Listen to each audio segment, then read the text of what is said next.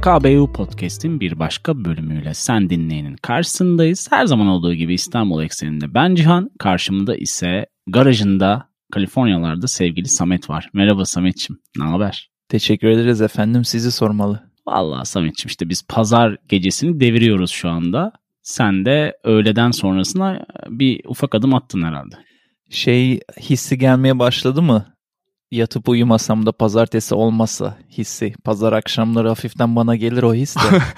Onu ben okul zamanında yaşıyordum böyle öyle ortaokula falan ya uf diye. O his vardı ama artık yani artık öldü herhalde. bağladı. Değil İçimizdeki çocuk bağladı. öldü herhalde. yani ben de katılıyorum biraz daha az da olsa bazen o anksiyete dedikleri durumu ben yaşıyorum yine pazar akşamları. Ya ben şeyi çok iyi hatırladım şu an sen sorunca. Böyle pazartesi günleri sınav falan olurdu ya. Hı hı. Pazar gecesi şey hissederdim böyle. Dünyanın sonu gelse de o sınav başlamasa.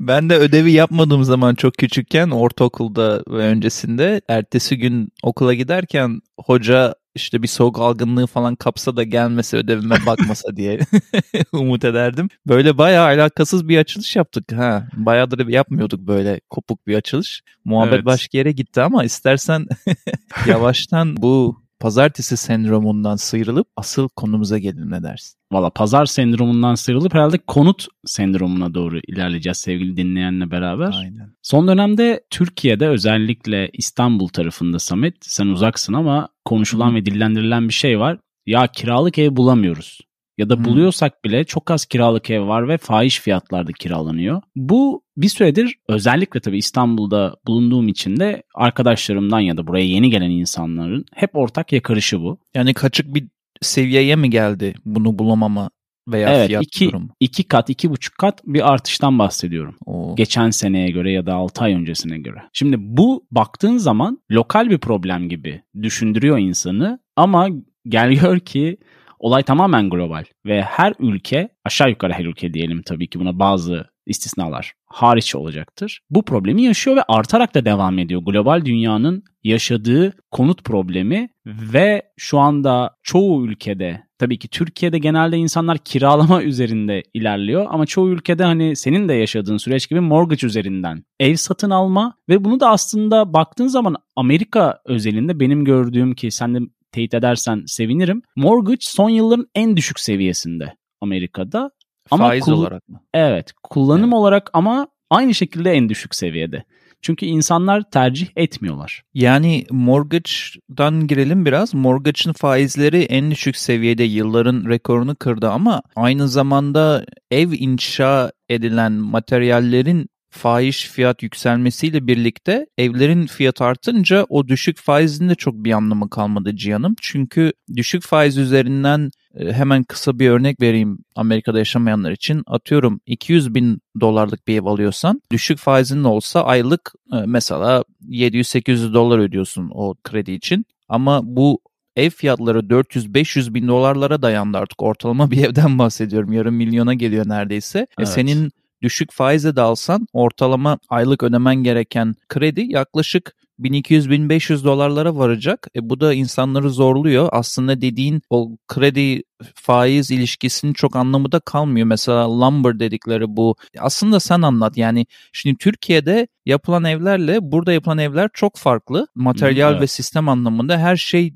odun mu artık ne tahta mı deniyor bir şey var. Ahşap. Ah, çok ahşap bazda bir e, kültür Malzeme mü diyeyim var. artık var. Malzeme bir kültür var, inşa kültürü evet, var. Evet, e, evet. Ve bunun fiyatı inanılmaz çıktı. Özellikle daha çok orman yanması, daha az ahşapa erişim olması derken kontrolden çıktı.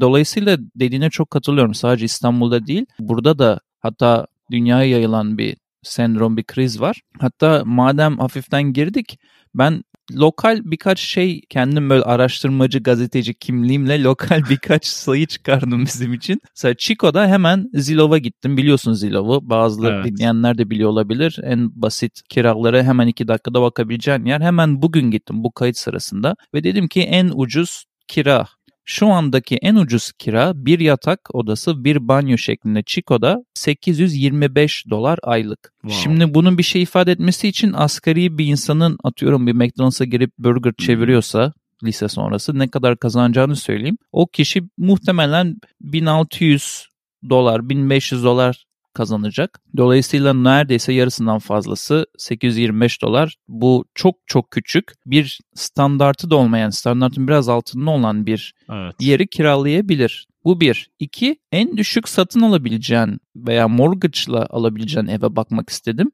Bir oda, bir banyoluk, bir ev ki mobil ev diye geçiyor bunlar gerçek bir ev değil taşınabilir ve prefabrik yapılmış ev 50 bin dolar şu anda ve Geleneksel evden bahsedersek de 260 bin dolarmış fiyatı.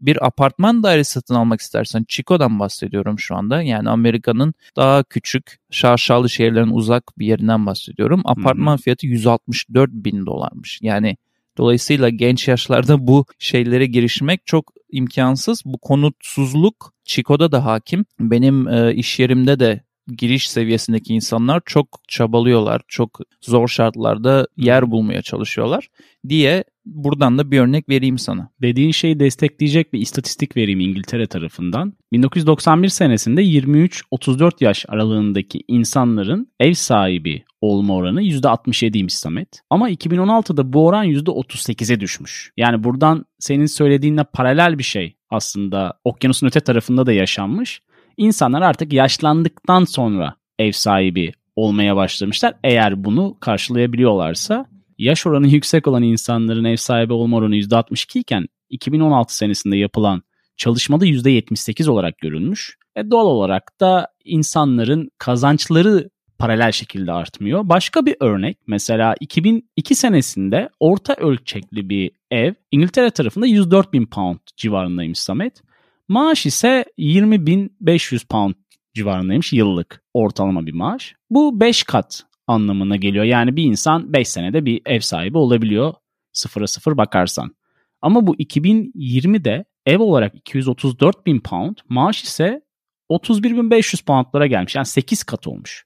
Bu standart bir yerden bahsediyoruz. Yani Londra'dan da bahsetmiyoruz. Çünkü Londra'da bu oran 12,5 katlara kadar ulaşıyor. Yani temelde anlatmaya çalıştığımız şey yaşamın inşaat ya da hani barınabilmeye göre daha da zorlaşması. Senin söylediğin Amerika ölçeğinde farklı bir doneye denk geldim. Pandemi sonrasında Amerika'da kirasını ödeyemeyenlerin oranı %15'lere falan gelmiş ortalama olarak. Hani 20'ye yaklaşan eyalet de var işte ona düşen eyalet de var ama baktığın zaman insanların ödeyemeyeceği boyutlara gelmiş. Pandemiyle beraber hem bir maddi kayıp, iş kaybı oldu.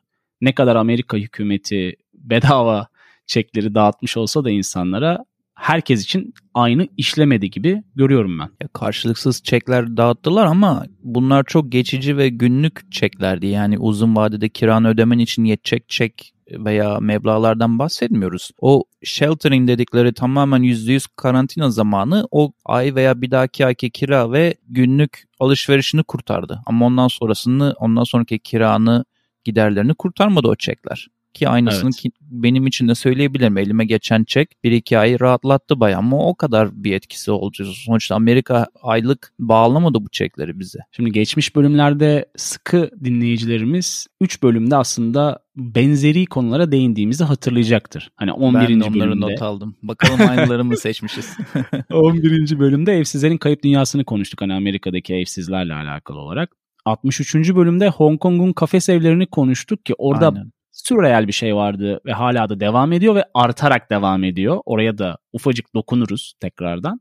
98. bölümde ise mekana çökenleri konuştuk. İnsanların yine Avrupa coğrafyasında özellikle Fransa tarafında nasıl sahipsiz emlaklara, evlere girip daha sonra bir şekilde ev sahibiyle anlaşarak yasal hale geçtiği ya da geçmediği tarzında donelerden bahsettik. Senin önünde başka bir şey var mı? Ben de bunları toparlamıştım. Ekstra bir tane daha var tam direkt aynı konu olmasa da büyük sıfırlama bölümünü de not ettim. Çünkü ekonomi olarak evet.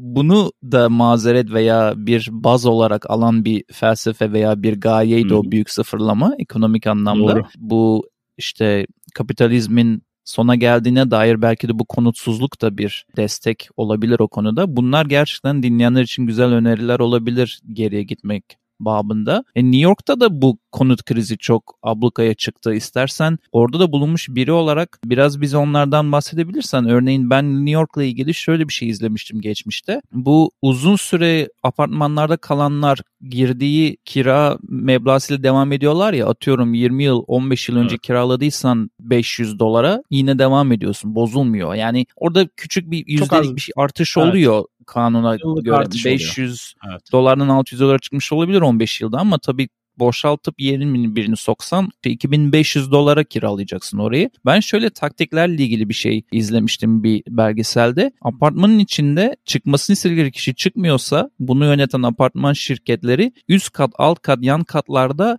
daimi süren bir yıl iki yıl süren inşaatlar Tamirat yapıyormuşlar. Tamirat yapıyormuşlar. Hatta bir tane örnekte birinin apartmanın içine giden su borularını duvarın diğer tarafında patlatıyorlar ki evi su basmaya başlasın yaşayamasın. Adam o kadar inatçıydı ki içerisi artık küf olmuş bilmem ne olmuş. Hani kameralar içeride falan gitmeyeceğim falan diyordu artık hayat meyat meselesine çevirmiş. Hmm. Hastalanmış falan hatta davalık olmuşlar falan filan.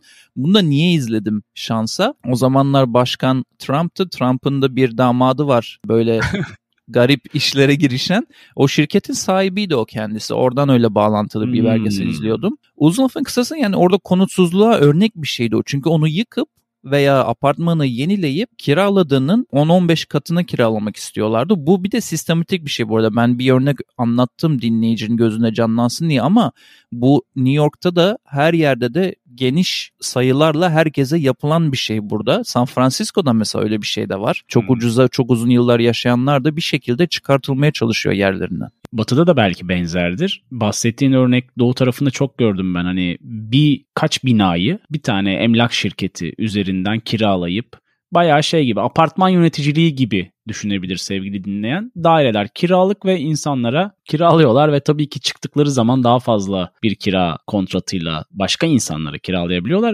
New York'ta pandemiden sonra bayağı bir boşalma olmuştu aslında şehirde. Çünkü insanlar yüksek kiralar vermek istemediler baktığınız zaman. işe gitmiyor ve uzaktan çalışmaya başlıyor. Herkes memleketine döndü. Ondan sonra bayağı daire boşalınca şey gibi bir konu oluştu. Aa New York'ta kiralar ucuzladı bir sürü kalacak yer var ama aslında bak geldiğimiz noktada hiç de öyle bir durum yok. Hatta bayağı yükselen kiralardan da bahsediyoruz. Dediğin bir başka nokta büyük sıfırlama bölümüyle direkt bağlantılı.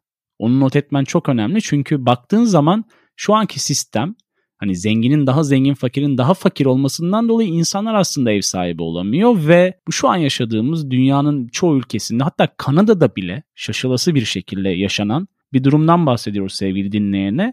Özellikle Vancouver bölgesinde kiralar inanılmaz artmış. Hani fahiş artış dediğimiz tarzda artmış. Bundan dolayı bazı doktorlar, hemşireler, avukatlar bile ev sahibi olamıyorlarmış. Bu Kanada gibi böyle hani baktığın zaman göçmenleri milyonlarca göçmen şeklinde ülkesine alan bir ülke için bile enteresan geldi bana. İlave olarak güncel bir haber var.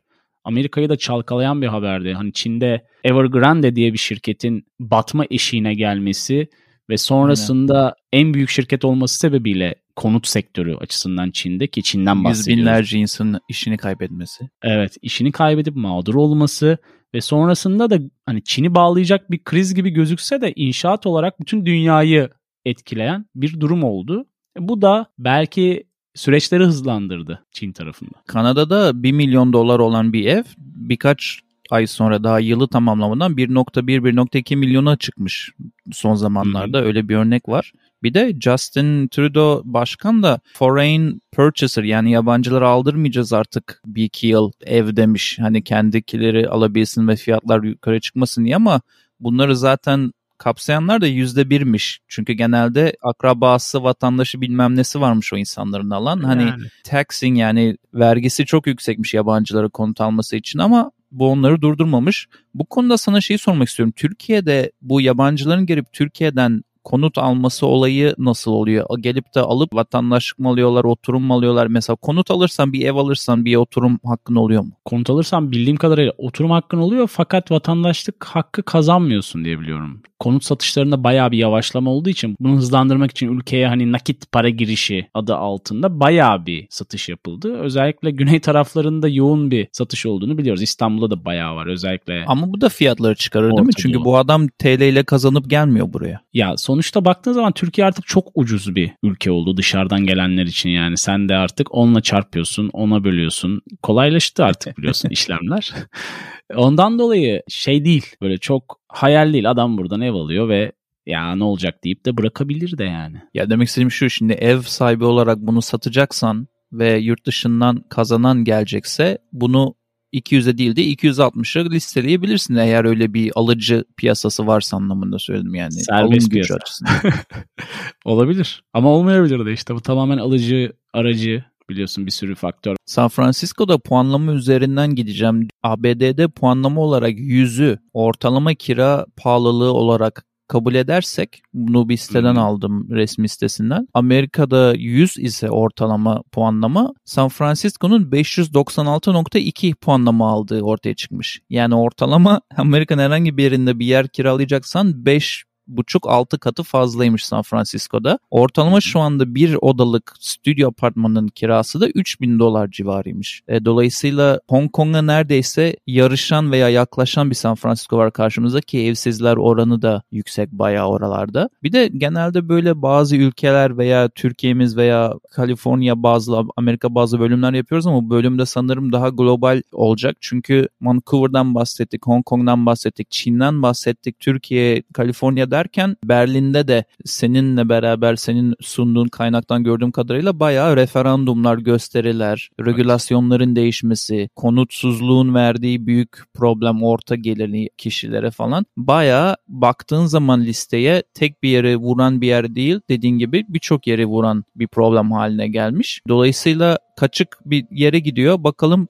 Sonu nasıl olacak? Temel olay sevgili Samet ve sevgili dinleyen talepten fazla evin markette bulunmaması durumu. Çünkü hani arz talep dengesizliği var şu anda. Kapanın elinde kalan bir olay gibi görünüyor. Bir de bu şeye de yol açıyor. Bilmiyorum hiç takip ettin mi? Deneysel ev sistemleri, deneysel ev yapılarına da yol açıyor. Bazı daha yenilikçi firmaların atağa kalkmasının da sebep oluyor. Bu taşınabilir modüler evlerin ortaya evet. çıkması, daha Türkiye'de sustainable dedikleri Evet doğayla daha iç içe barışık olan evlerin ortaya, küp evlerin ortaya çıkması falan. Tiny house denilen kavram Türkiye'de bayağı popüler oldu son dönemde. Bilmiyorum ne kadar daha gider ama doğal olarak maliyet durumları. Cebinden çıkan paranın ne kadar olduğu ile ilgileniyor insanlar. Yani bir de felsefe de var bunun içinde. Bazen maddiyetten uzaklaşmaya çalışırken Tiny House'da bunun tam cuk oturan bir felsefe olmuş oluyor. Evet. Sahip olduklarından kurtulmaya çalışırken. Hatta geçen Nejat İşler'in de öyle bir programda söylemi vardı. Her şeyimi bir bavula sığdırdım sonunda. Arındım bütün varlıklarımdan diye. Bir bavulla yaşıyorum diye. Yani öyle bir akım var. Hatta Netflix'te de bununla ilgili şovlar bayağı burada popüler oldu. İnsanlar nasıl daha az maddi varlık daha çok manevi. günlük manevi ve günlük tecrübeme dayalı bir hayat sürerim diye. Bu aslında senin söylediğin insanların artık ev almaması genç yaşta sadece pahalılık değil bu felsefeyle de alakalı. Birçok insan diyor bunu. Gideyim yaşayayım göreyim.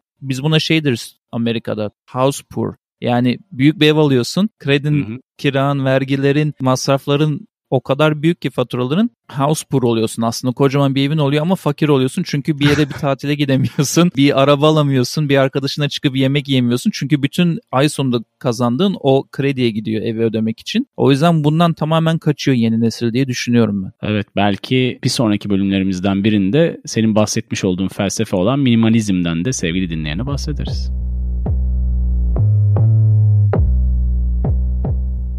Ne öneriyoruz kısmıyla bir kez daha sen dinleyin. Karşısındayız. Her zaman olduğu gibi bu bölümde sizinle bazı önerilerle birlikte olacağız ve sevgili Samet karşımda hazır bir şekilde duruyor. Losing My Religion var R.E.M'den. Bu şarkının güzel bir cover'ını buldum. Bell Saint isimli grubun Losing My Religion cover şarkısını öneriyorum. HKB dinlencesine de bunu ekleriz. Kendi yaptığımız bir playlist var biliyorsunuz. Spotify'da, Deezer'da, YouTube'da bulunan. Onun dışında da geçenlerde ki buna inanamayacaksın. Ekim 27 2019'da yayınlanmış bir bölüm. İnşaat mühendisinin galaksi rehberi yani inanamayacaksın dedim. 2 yıldan fazla olmuş bu bölümü yayınlayalı o anlamda söyledim. o bölümde Ben World's Weirdest Homes önermişim. Dünyanın en garip evleri diye. Hı hı. Şimdi başka özellikle Lori ile beraber Borsamanız izlediğimiz buna benzer bir bölüm önereceğim veya seri önereceğim. Adı The World's Most Extraordinary Homes. Biraz daha bizim bu bölüme uyan bir öneri olmuş oldu. Farklı evleri izleyebiliyorsunuz o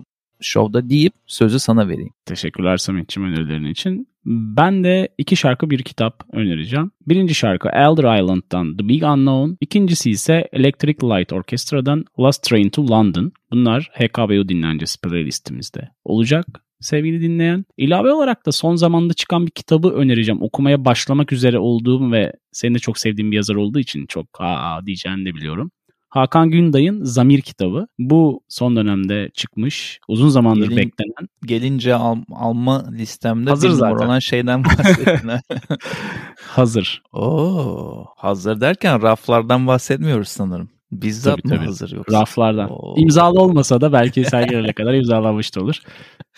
Bunu da sevgili dinleyene önereceğim. Belki beraber okuyacağız. Kapatmadan çok kısa bir şey söyleyeceğim. İngilizce söyleyip çeviririm ama shelter is a very fundamental human right diye bir söylem geçti araştırmalarımda bulunurken bu bölüme. Shelter burada burada shelter'dan kasıt barınmak, barınma hakkı bir insan için çok fundamental, çok ana bir haktır diye bir söylem geçmişti. Buna çok katılıyorum ve bu unutuluyor. Çünkü kapitalizmin para, günlük bilmem neler falan derken aslında yeme içme güvenlik gibi şeyleri unutuyoruz. Yani daha doğrusu bunları düşünüp barınma hakkını biraz unutuyoruz. Aslında bu da her insanın bir hakkı olmalı. Bunun içinde bütün yapılar, devletler, organizasyonlar bilmem neler biraz daha gayret göstermeli diyeyim. Hatta çok popüler olan, gündemde olan bir şeyle de bitireyim biraz komik bir şeyle bağlayayım bunu.